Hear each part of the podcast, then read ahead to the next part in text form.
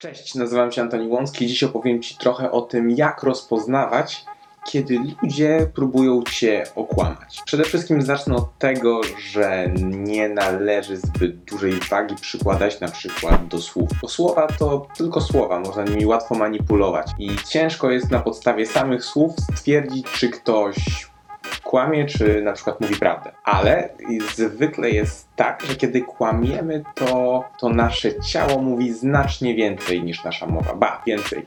Nasze ciało mówi czasem to, czego nasza mowa nie chce powiedzieć, a to tak naprawdę w środku czujemy i myślimy. Dlatego w takich wypadkach znacznie bardziej istotna jest y, komunikacja niewerbalna i obserwowanie naszego rozmówcy dokładnie, co on takiego robi, jak jego ciało zachowuje się podczas rozmowy z nami. Badania naukowców z Uniwersytetu w Kalifornii udowodniają, że zwracając uwagę na niewerbalny aspekt przekazu, który prezentuje rozmówca, z którym akurat toczymy wymianę zdań, może podnieść nawet do 90% szansy na wykrycie tego, że kłamie. A na co więc warto zwracać uwagę podczas takiej rozmowy, żeby takiego oszusta wykryć? Na pewno należy zwrócić uwagę na nerwowy ruch głową.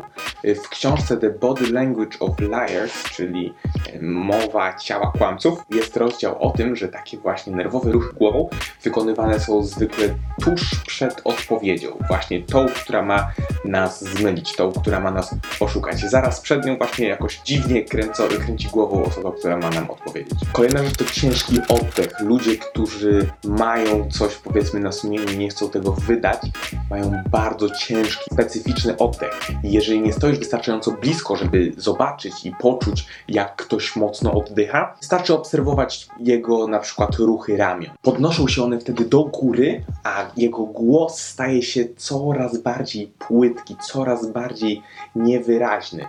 I na te rzeczy należy zwrócić uwagę. Ma też wtedy na pewno taka osoba przyspieszone bicie serca i podniesione ciśnienie krwi, ale to już ciężko zauważyć, natomiast ramiona i jego głos jest dość łatwy do zauważenia. Trzecią rzeczą, która charakteryzuje kogoś, kto może cię chcieć okłamać, jest taki totalny bezruch.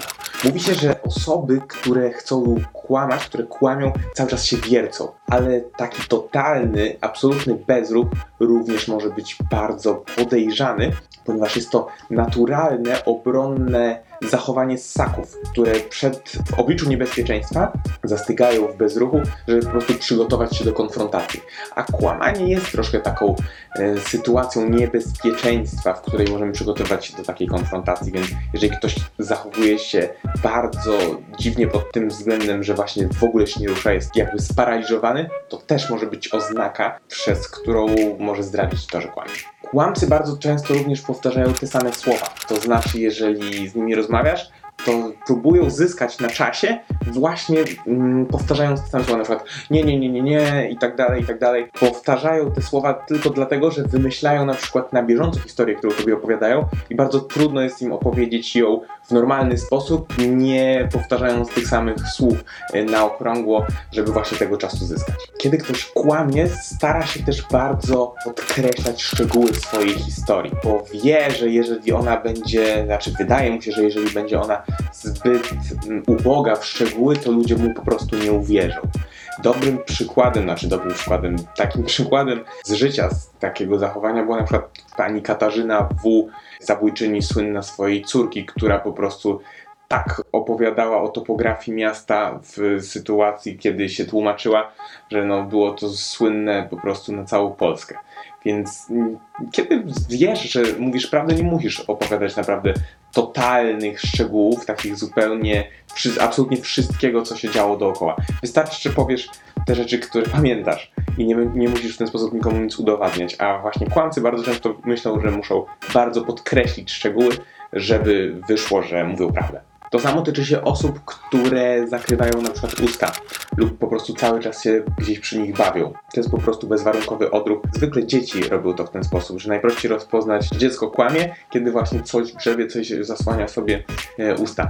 To jest też czasem bardzo prosty sposób na to, żeby rozpoznać e, kłamcę dorosłego, ponieważ jest to, tak jak wspomniałem, taki dość bezwarunkowy odruch i zasłaniamy usta wtedy, kiedy właśnie nie chcemy, żeby coś się z nich w jakiś sposób wydobyło. I to samo tyczy się zakrywania różnych wrażliwych miejsc, na przykład zakrywamy gardło, y, klatkę piersiową, na przykład krocze, ponieważ czujemy się zagrożeni, mimo że to nie jest jakieś fizyczne niebezpieczeństwo, y, to cały czas jest taka stresowa sytuacja, tak samo jak mówiłem o tym bezruchu, to cały czas jest jakaś konfrontacja, czu- możemy czuć się zagrożeni i zakrywamy wtedy nasze wrażliwsze miejsca po to, żeby uchronić się przed potencjalnym zagrożeniem. Jeżeli zauważysz, że ktoś na przykład szura stopami po podłodze, to też może być oznaka tego, że kłamie. Dlatego, że jest to sposób na rozładowanie energii. Jeżeli masz zbyt dużo energii, która gromadzi się przez to, że właśnie chcesz skłamać, starasz się wyładować w jakiś sposób, między innymi na przykład przez szuranie po podłodze.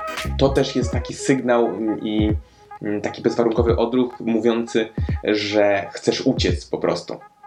Więc jeżeli ktoś robi coś takiego, też możesz go już podejrzewać, że coś jest nie tak z tym, co mówi. I generalne trudności w mówieniu. Mm, Kiedy kłamiemy, to tak samo kiedy się stresujemy. Stres powoduje, że śliny, ślina nie wytwarza się w takim tempie, jak jest to normalnie. Więc nawet wyduszenie z siebie takich pojedynczych słów staje się mm, trudne. To też powoduje, że częściej przełykamy tą ślinę, żeby właśnie nawilżyć sobie gardło, ale stres powoduje to, że nie, nie mamy zbyt wiele tej śliny, więc dlatego możemy mieć problemy z tym, żeby mówić w ogóle. To na razie wszystkie sposoby na to, żeby wykryć potencjalnego Pamiętajcie tylko, że nie jest to prawda absolutna, którą należy teraz wykuć i patrzeć na ludzi i pomyśleć, o, on szura nogą, to teraz kłamie, a on zakry, zakrył usta, to na pewno teraz kłamie. To jest bardzo mm, elastyczne. Przede wszystkim przy rozpoznawaniu kłamcy musimy zauważać odstępstwa od normy. Czyli jeżeli ktoś absolutnie cały czas ma zakryte usta, kiedy mówi, no to nie możemy posądzać go o kłamstwo, e, kiedy to robi, bo po prostu to nie jest nienaturalne. Prędzej moglibyśmy posądzić go o kłamstwo, jeżeli właśnie odstawiłby e, tą rękę od ust. Mimo, że to jest totalnie niezgodne z tym, co przed chwilą powiedziałem, jest to odstępstwo od normy.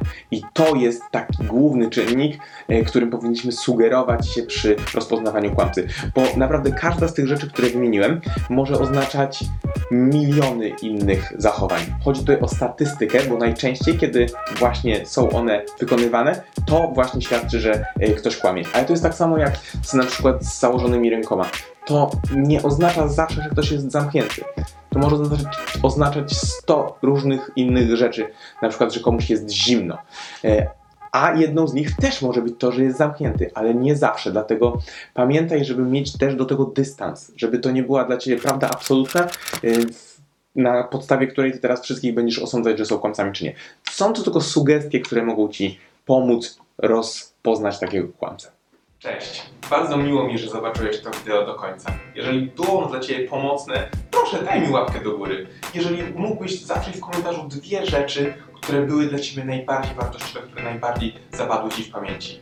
Jeżeli podobają Ci się wideo tego typu, udostępnij ten kanał może znajomemu. Wrzucam tutaj co tydzień zupełnie darmowe, eksperckie wideo na temat efektywności komunikacji, więc naprawdę można z tego dużo wyciągnąć. Chociaż czasami może wydawać się, że jest to powszechna wiedza, to wierzę, że powszechna wiedza to nie jest niestety zawsze powszechna praktyka. Dlatego jeżeli znalazłeś tutaj coś, co może przypomniało Ci o jakichś działaniach, o których już wiedziałeś, to koniecznie zacznij wdrażać to w życie.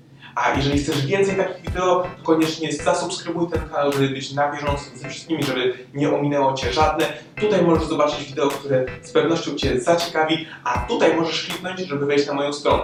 Tam znajdziesz linki do Facebooka, Instagrama, Snapchata i wszystkich mediów społecznościowych, na których możesz mnie znaleźć, żeby zobaczyć, jak ta praca wygląda od wewnątrz. Znajdziesz też tam zupełnie darmowy test osobowościowy, dzięki któremu lepiej poznasz swoją właśnie osobowość.